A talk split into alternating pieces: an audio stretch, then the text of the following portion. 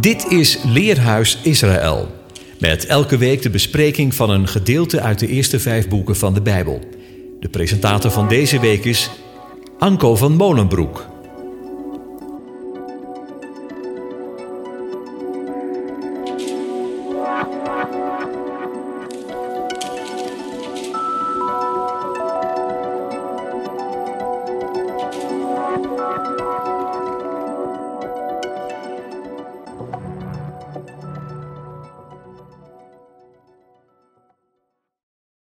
Beste luisteraar, zoals iedere week bent u weer van harte welkom in het leerhuis van Radio Israël. Deze week is Parasha Miketz aan de beurt. En het is voor mij de derde keer dat ik over dit deel van de Torah mag nadenken. In 2018 sprak ik uit deze parasha over het licht dat doorbrengt in de duisternis. Toen ging het over Jozef en zijn dromen. In 2020 sprak ik uit deze parasha over het keerpunt in de tijd. Toen ging het over Jozef en zijn broers. En dit jaar maak ik dus de trilogie vol. Ik wil nu spreken over Jozef en het leven in de wereld van goed en kwaad. Miketz. En het geschiet aan het eind van een dubbel jaar van dagen. Aan het eind van twee jaar. Parasha Miketz is genoemd naar het woord in het eerste vers. Miketz wil zeggen met het eind. Het komt van het woord katsats, wat afsnijden betekent. Twee volle jaren komen ten einde. Het zijn de jaren nadat de bakker wordt gedood en de schenker in zijn ambt wordt hersteld. Het zijn de jaren die Jozef nog in de gevangenis verblijft. Twee jaren bovenop de tien die hij al heeft gezeten. Alles in het leven van Jozef heeft met dubbelheid te maken, met de twee. Hij krijgt twee dromen. Zijn broers verkopen hem naar Egypte, Mitzraim. Dat woord is het tweevoud van Mitzar, benauwdheid. Egypte, dat is de dubbele benauwdheid. In het gezin van Jacob draait het om de twee broers, Juda en Jozef. Juda krijgt een tweeling en Jozef twee zonen. Zijn tweede zoon noemt hij Ephraim, dubbele vrucht. Jozef test zijn broers twee keer voordat hij zich bekend maakt. En let eens op de positie van Jozef. Steeds is hij de tweede. In het huis van Potifar is hij de majordomus. In de gevangenis is hij de rechterhand van de gevangenisdirecteur. En tenslotte is hij de tweede heerser in Egypte. Op al deze plaatsen maakt Jozef carrière, omdat hij volledig te vertrouwen is. Zijn woord blijkt waar te zijn. De twee wordt weergegeven met de beet. In het Engels vinden we het terug in het woordje both, beide. De Bijbel begint met de beet. De beet is ook het huis. Het staat aan het begin van de levensreis van de mens. De mens is het beeld van de eeuwige, de verdubbeling. De twee houdt zowel verdeling als verdubbeling in, scheiding en vrucht. Ja, deze mens, wij zelf, komen in Egypte, in de dubbelheid terecht, in de wereld van goed en kwaad. Jozef is ook de meesterdromer, de Baal Galom, de heer van de droom. Bij hem gaan verborgenheid en openbaring hand in hand, als een twee-eenheid. De parasha legt ook een grote nadruk op de zevens, maar liefst 28 keer komt het woord voor. 28 is weer een veelvoud van zeven. Alle zevens zijn kostbaar, zegt de overlevering. Zeven is het nummer van de natuurlijke wereld, de wereld die nu is. En steeds staan er zevens tegenover elkaar. Zeven vette koeien en zeven lelijke. Zeven volle aren en zeven dunne aren. Zeven jaren van overvloed en zeven jaren van honger. Je ziet, het is weer de dubbelheid die wordt onderstreept. Daarnaast komen ook de woorden dromen en spionnen zeven keer voor. In die wereld van de dubbelheid en de zevens komt echter na een tijd van overvloed de tijd van honger, een tijd van gebrek en beproeving. En we weten, daarna breekt de tijd van verdrukking en vervolging aan. De Bijbel is heel duidelijk. Er komt een verdrukking over de hele wereld. Iedereen zal ermee te maken hebben, waar je ook woont. Verdrukking wil zeggen dat de een over de ander heerst, met harde hand. Dat de een de ander geen ruimte meer gunt. De contouren worden zichtbaar als we de huidige ontwikkelingen in de wereld zien. Ik noem Australië, Griekenland en Oostenrijk waar een prikverplichting geldt of gaat gelden. En ook ons land helpt in die richting. In dit laatste van de dagen kunnen we zomaar verzuchten. Kom, Heere Jezus, kom haastig. Als we zien hoe de samenleving afgebroken wordt. Als we zien hoe mensen bang worden voor elkaar, hoe de liefde van velen dreigt te verkillen. De apostel Petrus zegt dat we de besmettingen van de wereld moeten ontvluchten. Ja, natuurlijk, hij had het niet over een besmetting met een virus, maar ook angst is besmettelijk. Petrus voegt er iets aan toe. Ontvluchten door de kennis van de Heere en zaligmaker Jezus Christus, Yeshua HaMashiach. Zijn eerste komst was een keerpunt in de helsgeschiedenis. En we naderen opnieuw een keerpunt. Nog enkele profetieën moeten worden vervuld. Het samenkomen van Juda en Jozef en de komst van die ene herder. De bekendmaking van de Messias ben Jozef, die ook de Messias van ben David zal blijken te zijn. De overlevering zegt dat toen de eeuwige de schepping in handen van de Satan gaf, hij daaraan een voorwaarde verbond. De tegenstander moest vertellen wat hij van plan was te doen, zodat het kwaad kon worden beteugeld. En zo kunnen we nu kennis nemen van Agenda 2030. En met de laatste najaarsfeesten zijn we een nieuwe zevenjarige cyclus van het Smita-jaar, het Sabbatjaar, ingegaan. Yeshua sprak zijn discipelen toe vlak voordat hij gevangen genomen werd om te lijden en te sterven. Hij sprak over het blijven in de wijnstok, over gebod van liefde en haat van de wereld, over de blijdschap na de droefheid. En tenslotte zegt hij: Deze dingen heb ik tot u gesproken, opdat u in mij vrede zult hebben. In de wereld zult u verdrukking hebben, maar hebt goede moed, ik heb de wereld overwonnen. De boodschappen die de minister van Volksgezondheid ventileert zijn niet mis te verstaan. Buurt voor buurt, deur voor deur, arm voor arm, toont hij zijn gedrevenheid om iedere Nederlander van een vaccin te voorzien. Deze week sprak hij tegen de volksvertegenwoordiging uit. We weten waar ze wonen, namelijk degenen die nog niet zijn geprikt. En daar waar de vrije keuze in het gedrang komt, daar komt dwang en dwingeland naar boven. In dit leerhuis verleg ik de blik naar de gemeente van Pergamus. Tegen deze gemeente wordt ook gezegd: Ik weet waar jullie wonen. En dat wordt gezegd door de Messias ben Jozef, Yeshua HaMashiach.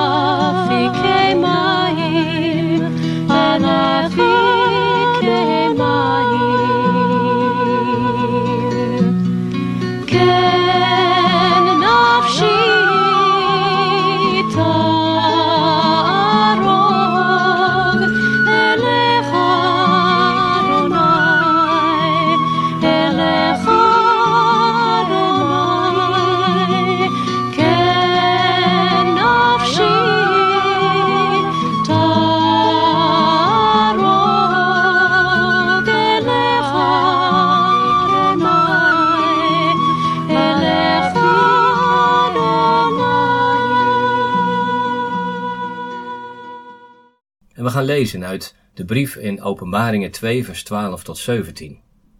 En schrijf aan de engel van de gemeente in Pergamus. Dit zegt hij die het tweesnijdende scherpe zwaard heeft. Ik ken uw werken en ik weet waar u woont, namelijk waar de troon van de Satan is. U houdt vast aan mijn naam en u hebt het geloof in mij niet verlogend. Zelfs niet in de dagen van Antipas, mijn getrouwe getuige, die gedood werd bij u, waar de Satan woont. Maar ik heb enkele dingen tegen u, namelijk dat u daar mensen hebt die zich houden aan de leer van Biliam, die Balak leerde voor de Israëlieten een struikelblok neer te leggen, opdat zij afgodenoffers zouden eten en hoererij bedrijven. Zo hebt u er ook die zich houden aan de leer van de Nicolaïten, en dat haat ik. Bekeer u, en zo niet, dan kom ik spoedig bij u, en zal ik tegen hen oorlog voeren met het zwaard van mijn mond. Wie oren heeft, laat hij horen wat de geest tegen de gemeenten zegt. Aan wie overwint, zal ik van het verborgen manna te eten geven. En ik zal hem een witte steen geven, met op die steen een nieuwe naam geschreven, die niemand kent, dan wie hem ontvangt. Waar je woont, is waar je thuis bent. Het geeft ons een onveilig gevoel als iemand in ons huis inbreekt. Ik weet waar je woont kan een bedreiging voor ons zijn. Wat je ook doet, ik weet je te vinden. Ik weet waar je woont. Dat is bedreigend, want ons thuis, dat is waar het veilig hoort te zijn. En om met de deur in huis te vallen, je bent niet veilig op deze wereld, tenzij je in de schuilplaats van de Allerhoogste geborgen bent. Psalm 91. De uitspraak ik weet waar je woont heeft echter ook een bemoedigende kant. Stel, je hebt visite afgesproken en je wilt de weg naar je huis uitleggen. Maar de ander weet al waar het is en zegt: Laat maar, ik weet waar je woont. Het is fijn dat iemand die jou goed kent, weet waar je woont. Eens werd er een brief geschreven aan christenen in een heidense stad. En die stad heette Pergamus. En zie je wat daar staat? Ik weet waar je woont. Waar woonden ze dan? Daar waar de troon van de Satan is. Hè? Is dat niet levensgevaarlijk? Nou en of. Wonen waar de Satan woont is levensbedreigend. Dat is nu wat de Heer Jezus bedoelt te zeggen: in de wereld zul je verdrukking hebben. Nee, het is niet om het even waar je woont. En toch, hoe heerlijk is het dat God zegt: Ik weet waar je woont. God verliest je niet uit het oog. Hij weet je te vinden. Pergamus ligt in Klein-Azië, in het tegenwoordige Turkije. Pergamus betekent verhoogd, verheven. En dat was niet voor niets, want het godsdienstige religieuze centrum van de stad lag op de top van een berg. En een stad op een berg is moeilijk te overwinnen. In deze stad werd de aloude godsdienst van Babylon gehandhaafd. De koning van Pergamus had dezelfde titel als de Babylonische priesters en was ook zo gekleed. Het beroemde altaar en de tempel van de afgod Zeus was gebouwd op de helling van de berg. Dit altaar is een van de zeven wereldwonderen en bevindt zich nu in het Pergamon Museum in Berlijn. Het heeft een omvang van 35 bij 34 meter en om dat altaar bevinden zich afbeeldingen van de strijd van de Griekse goden en de reuzen. In de tijd waarin de brief geschreven werd was Pergamus een van de belangrijkste steden in het Romeinse Rijk. Het was het politieke centrum in die regio. Ook kunst en cultuur bloeiden er volop. Het theater kon wel 10.000 mensen bevatten en het was zo gebouwd dat een fluistering op het podium tot op de bovenste rij te horen was. De inwoners maakten perkament van kalverhuiden. De stad was ook een grote bibliotheek met zo'n 20.000 perkamenten. De bibliotheek was de op één na grootste in de oude wereld. Alleen die van Alexandrië was groter. En zo was Pergamus een bloeiende stad, een van de mooiste steden, maar ook een van de duistere steden. De stad weerspiegelde de cultuur van het land. Pergamus is de woonplaats van de Satan. Je zou er niet willen wonen. En toch wonen er mensen die in de levende God geloven, want in die stad was een gemeente van Christus. Zij aanbaden niet vele goden, maar de ene, de eeuwige God. Tot hen richt Yeshua het woord. Dit zegt hij die het tweesnijdende scherp zwaard heeft. Dat zwaard is het woord van God. Dat weten we uit Hebreeën 4 vers 12.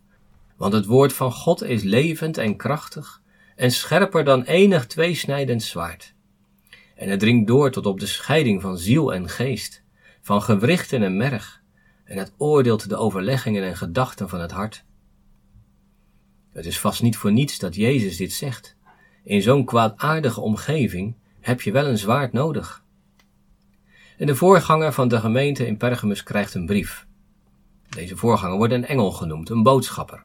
Hij brengt de boodschap van Yeshua aan de gemeente. Dus niet zijn eigen woord, maar het woord van God. En dat woord oordeelt. Want wie niet voor mij is, die is tegen mij, zegt de Heer Jezus. Yeshua heeft het zwaard om de gemeente van Pergamus bij te staan. Want wonen waar de Satan woont, is levensgevaarlijk.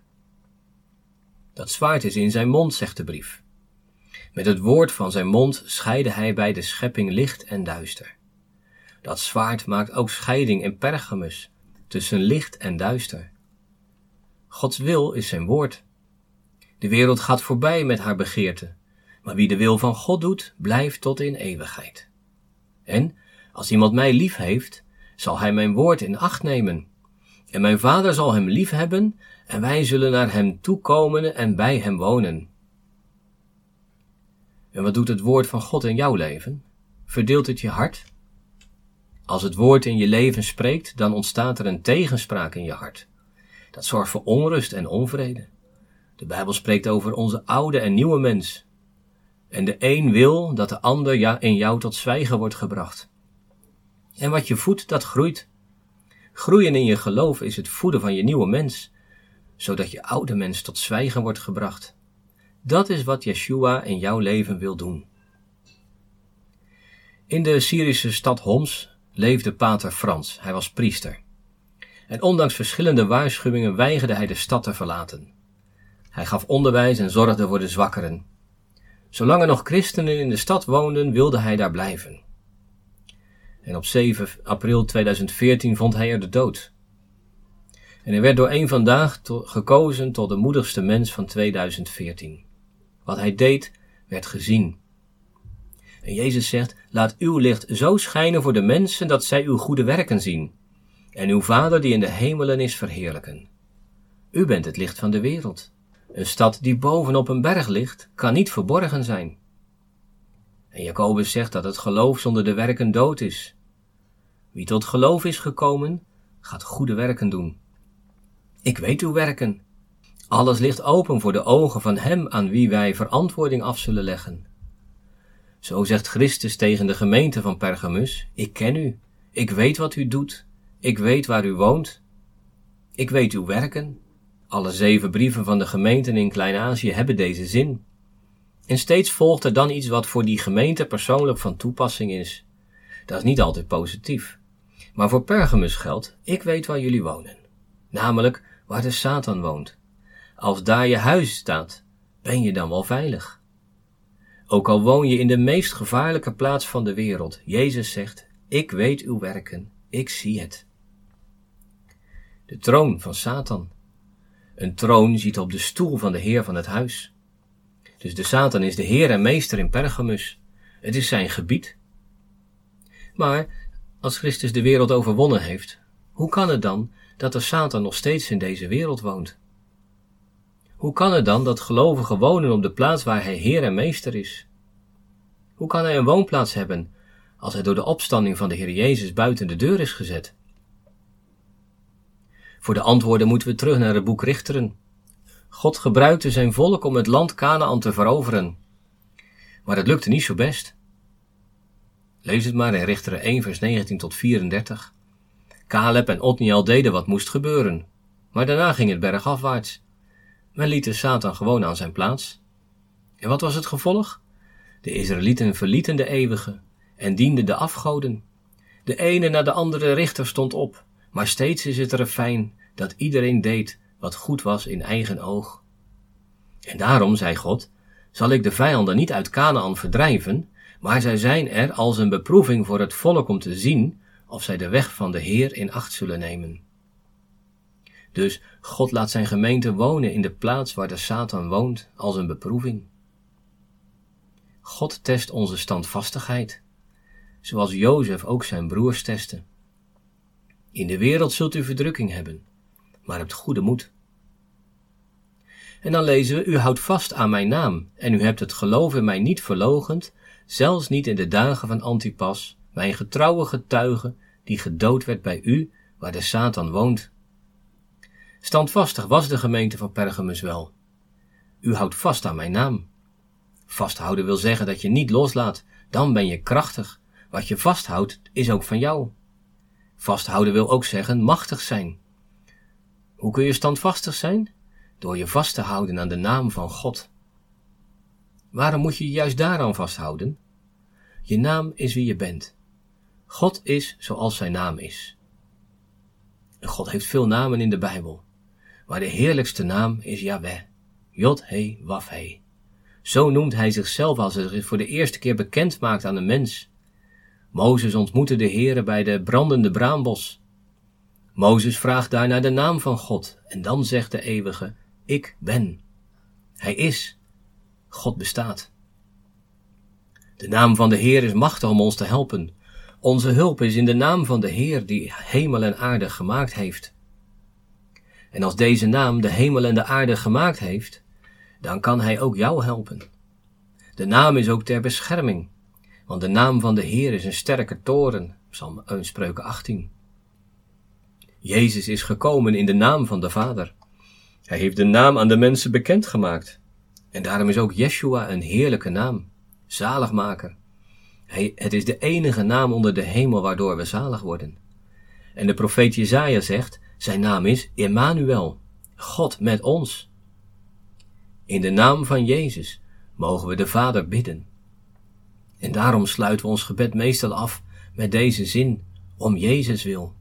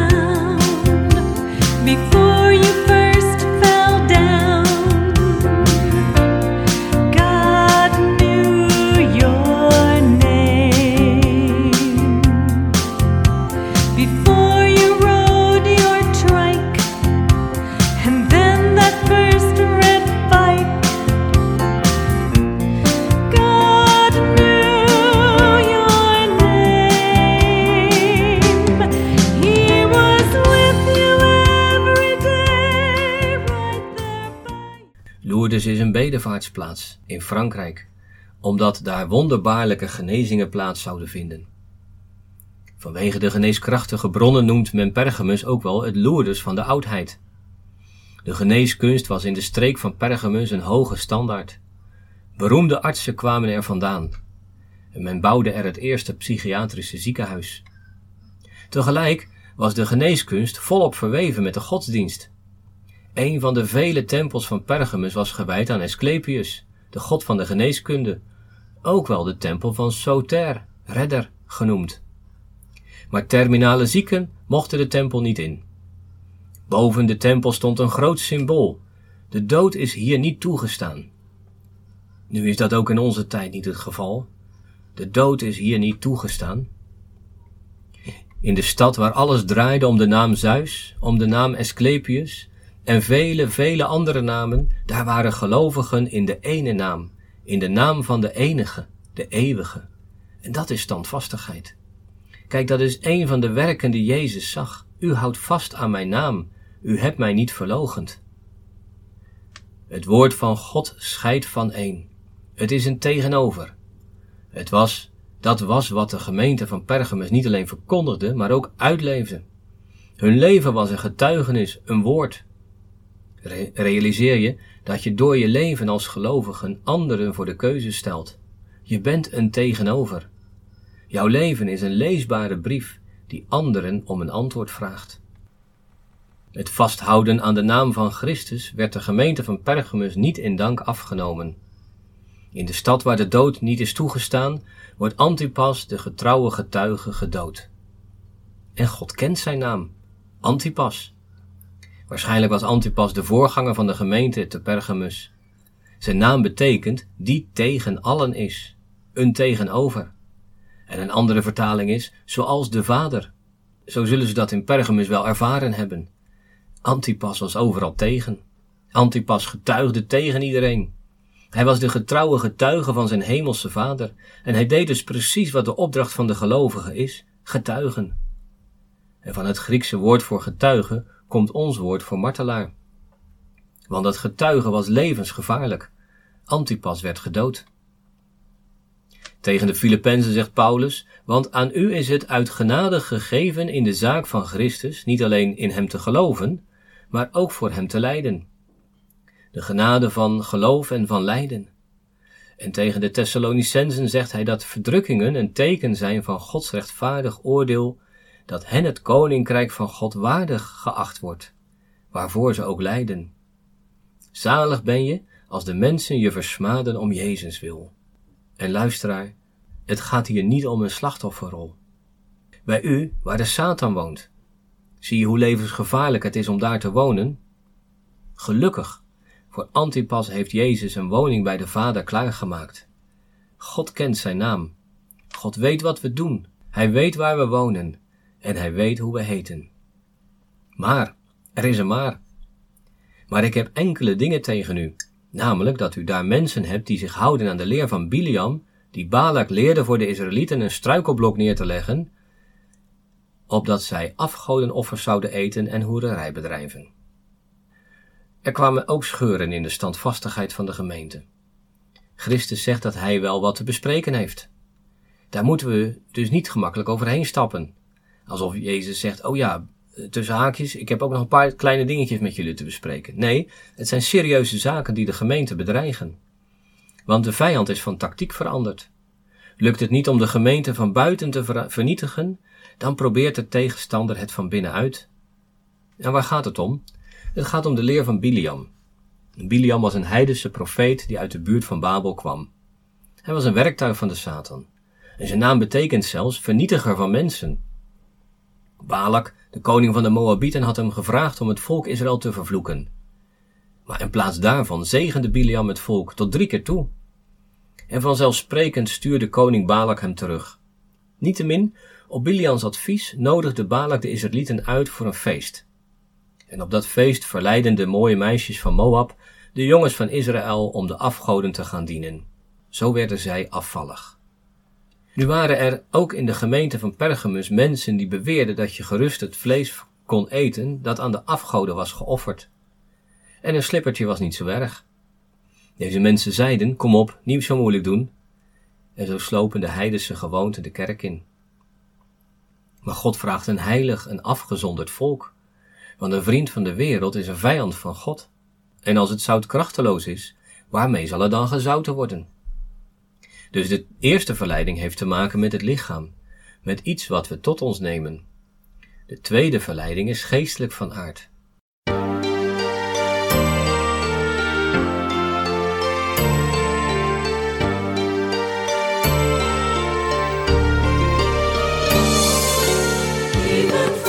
Sins, Lord, you have brought us back, taught us your ways, and Son to cleanse our souls, borne all our diseases, and cause us to be whole. In our generation, we have seen our land, born in blood and fire, you made Israel stand. Many kings and prophets long to see you have shown us and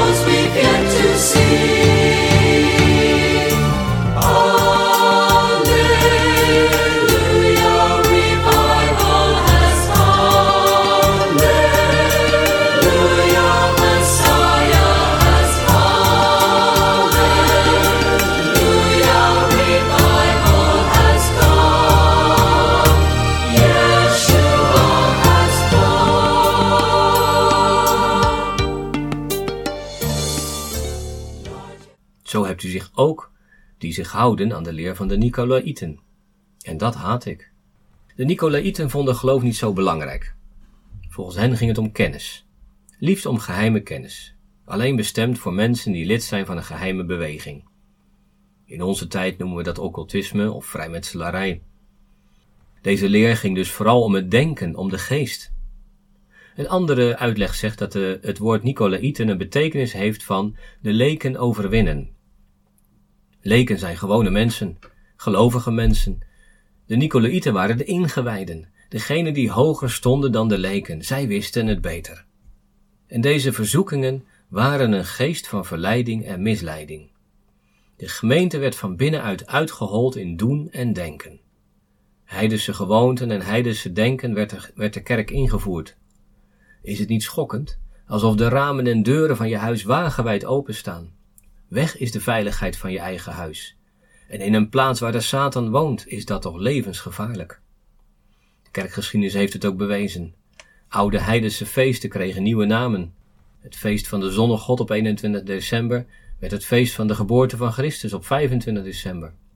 Het feest van Astarte, de koningin van de vruchtbaarheid, werd het paasfeest. Er kwamen altaren in de kerk, beelden en mooie gewaden. In de kerk werd Latijn gesproken, onbegrijpelijke taal voor leken. En zo werd de Bijbel onbegrijpelijk en onbereikbaar voor de gewone man. Jezus haat dat. En daarom zegt hij: bekeer je, keer je om.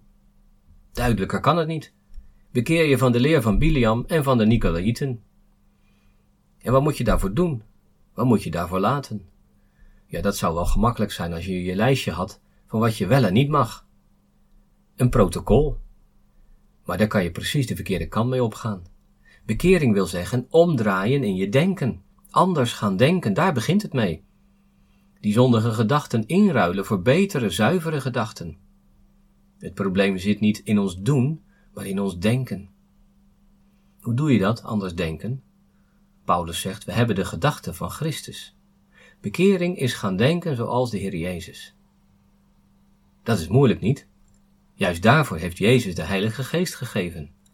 Die zal jullie onderwijzen en in herinnering brengen, laten denken aan alles wat ik jullie gezegd heb, zegt Jezus. Yeshua komt terug. Maar wat als je dan je denken niet hebt veranderd? Een zwaard gaat uit zijn mond, staat er. En Johannes beschrijft dat in Openbaringen 19, vers 15. Wie zijn denken niet verandert, wordt gedood door het zwaard. Die krijgt te maken met de toren van God. Want God kijkt niet werkloos toe als zijn kinderen, zijn gemeente vervolgd, verzocht en verleid wordt. Ze houden vast aan zijn naam, en de naam van God is hem heilig. Hij laat niet toe dat zijn naam wordt ontheiligd. Yeshua komt terug. Als jij je denken niet verandert, dan krijg je zonder twijfel te maken met de rechtvaardige woede van God. Dan deel je het lot van al die mensen die de leer van Biliam en van de Nicolaïten aanhangen. Laat het dus niet zo ver komen. En Yeshua besluit zijn brief aan Pergamus. Wie oren heeft, laat hij horen wat de geest tot de gemeenten zegt. Aan wie overwint zal ik van het verborgen mannen te eten geven. En ik zal hem een witte steen geven met op die steen een nieuwe naam geschreven die niemand kent dan wie hem ontvangt. Overwinnaars krijgen een witte steen. In die dagen kreeg een veroordeelde een zwarte steen en wie vrijgesproken werd een witte steen. Overwinnaars zijn vrijgesproken. Dat heet nu genade, want vrijspraak is er alleen door het werk van hem die de dood overwon. Want in zijn koninkrijk is de dood niet meer toegestaan. Op die steen staat een nieuwe naam. Een naamsverandering kennen we uit de Bijbel. Abraham, Sarah, Jacob, Saulus, Simon. Een naamsverandering duidt op een verandering in levensomstandigheden. Van onvruchtbaar naar vruchtbaar. Van volger naar vorst. Van luisterend naar rots. En zo is het ook voor de overwinnaars. Een levensverandering. Wonen waar de Satan woont is levensgevaarlijk. En het is levensgevaarlijk als je je levenshuis openzet voor de vijand. Het is levensgevaarlijk, want getuigen van Jezus kost je je leven. Het is levensgevaarlijk, want het zwaard van Christus zal van een scheiden. En daarom is bekering nodig. Dat is een levensverandering. Het is ook een hele persoonlijke steen. Niemand weet de naam die erop staat dan jijzelf. Welnu, dit zegt de Heer die jou schiep. Jacob, die jou vormde, Israël, wees niet bang, want ik zal je vrijkopen. Ik heb je bij je naam geroepen. Je bent van mij. Jesaja 43. God weet waar we wonen, ook al is het op de plek waar de Satan woont. Maar daarom verwachten wij hem die het zwaard heeft. In de wereld zul je verdrukking hebben, maar hebt goede moed. Ik heb de wereld overwonnen. Ik weet waar je woont. Ik weet wat je doet. En ik ken je bij naam. Het is heerlijk om zo gekend te zijn. Wie vasthoudt aan de naam, wie het geloof niet verlogent, wie standvastig blijft in de leer, die is ook een overwinnaar. En aan de overwinnaar in de gemeente van Pergamus worden twee zaken beloofd. Het eerste is dat ze mogen eten van het verborgen manna. Manna kreeg het volk in de woestijn te eten. De woestijn is echt een dorre plaats. En in die woestijn kreeg het volk elke dag manna, voedzaam en helend. Het was alles wat het volk nodig had om in leven te blijven.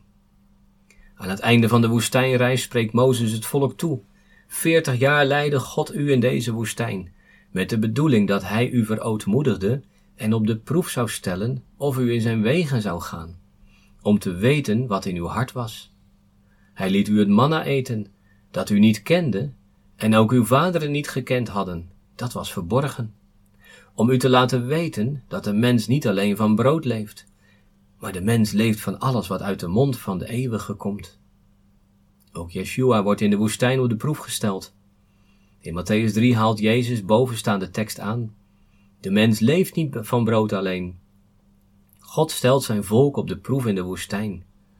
Zie je, wat de gemeente van Pergamus overkomt, heeft Yeshua ook meegemaakt. Het is verborgen manna. Er was een kruikje met manna in de ark verborgen. De ark, dat is het beeld van de troon van God. Zo is ook Christus nu in het heilige der heiligen van de hemelse tempel, in Gods nabijheid. Wie overwint, die blijft in leven door te eten van het verborgen manna. Dat wil zeggen, wie in Christus is, die is een nieuwe schepping, die leeft voor eeuwig. Want hij heeft gezegd, ik ben het brood des levens. Luisteraar, Jozef beproeft zijn broers, om te zien of het eerlijke mannen waren, of waren geworden, of zij standvastig bleven, of ze zich bekeerd hadden. De Messias ben Jozef doet hetzelfde met zijn broers en zusters in Pergamus. Hij weet dat ze op een levensgevaarlijke plaats wonen. Hij weet wie ze zijn. Hij kent de verleiding van lichaam en geest. Ja, ooit bracht de tegenstander hem in verleiding, zeg toch dat deze stenen brood worden. Om hem vervolgens alle koninkrijken van de aarde te beloven. De Satan had nog maar één ding: aanbid mij. In deze tijd is de boodschap dat alleen de prik ons lichaam van de dood kan redden. En de geest van de tijd zegt: doe het voor een ander. De prik maakt vrij. Het woord zegt echter: waar de geest is, daar is vrijheid. En alleen als de zoon u zal hebben vrijgemaakt, zo bent u echt vrij. We kunnen ons zorgen maken over de toekomst, over ons levensonderhoud, over ons leven, onze kinderen en kleinkinderen. Jozef geeft zijn broers koren in hun zakken en geld daarbovenop. Deze week schreef iemand op Twitter: Mijn hart is gebroken en ik weet niet of deze nog gaat helen in deze nieuwe wereld. Een gebroken hart vanwege de verdeeldheid, depressie en de onmacht. Misschien herken je dat wel. En laat ik daarom afsluiten met wat Psalm 147 zegt. Halleluja! Het is immers goed om voor onze God psalmen te zingen, want dat is lieflijk. Hem past een lofzang. De Heer bouwt Jeruzalem weer op. Hij verzamelt Israëls verdrevenen. Hij geneest de gebrokenen van hart. Hij verbindt hen in hun leed. Hij telt het aantal sterren. Hij noemt ze alle bij hun naam. Onze Heer is groot en geweldig in kracht. Zijn inzicht is onmetelijk. De Heer houdt de zachtmoedige staande. De goddeloze vernedert hij tot de grond toe. Hij hield gebrokenen van hart, om Jeruzalem weer te bouwen. Dat is het heerlijke werk van de Messias.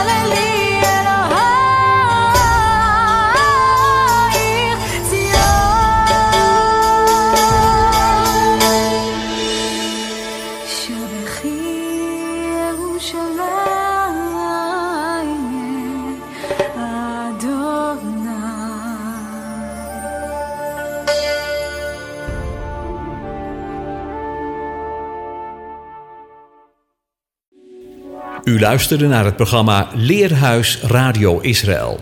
Een wekelijkse studie aan de hand van de Bijbelgedeelten die wekelijks door de Joodse gemeenschap worden gelezen.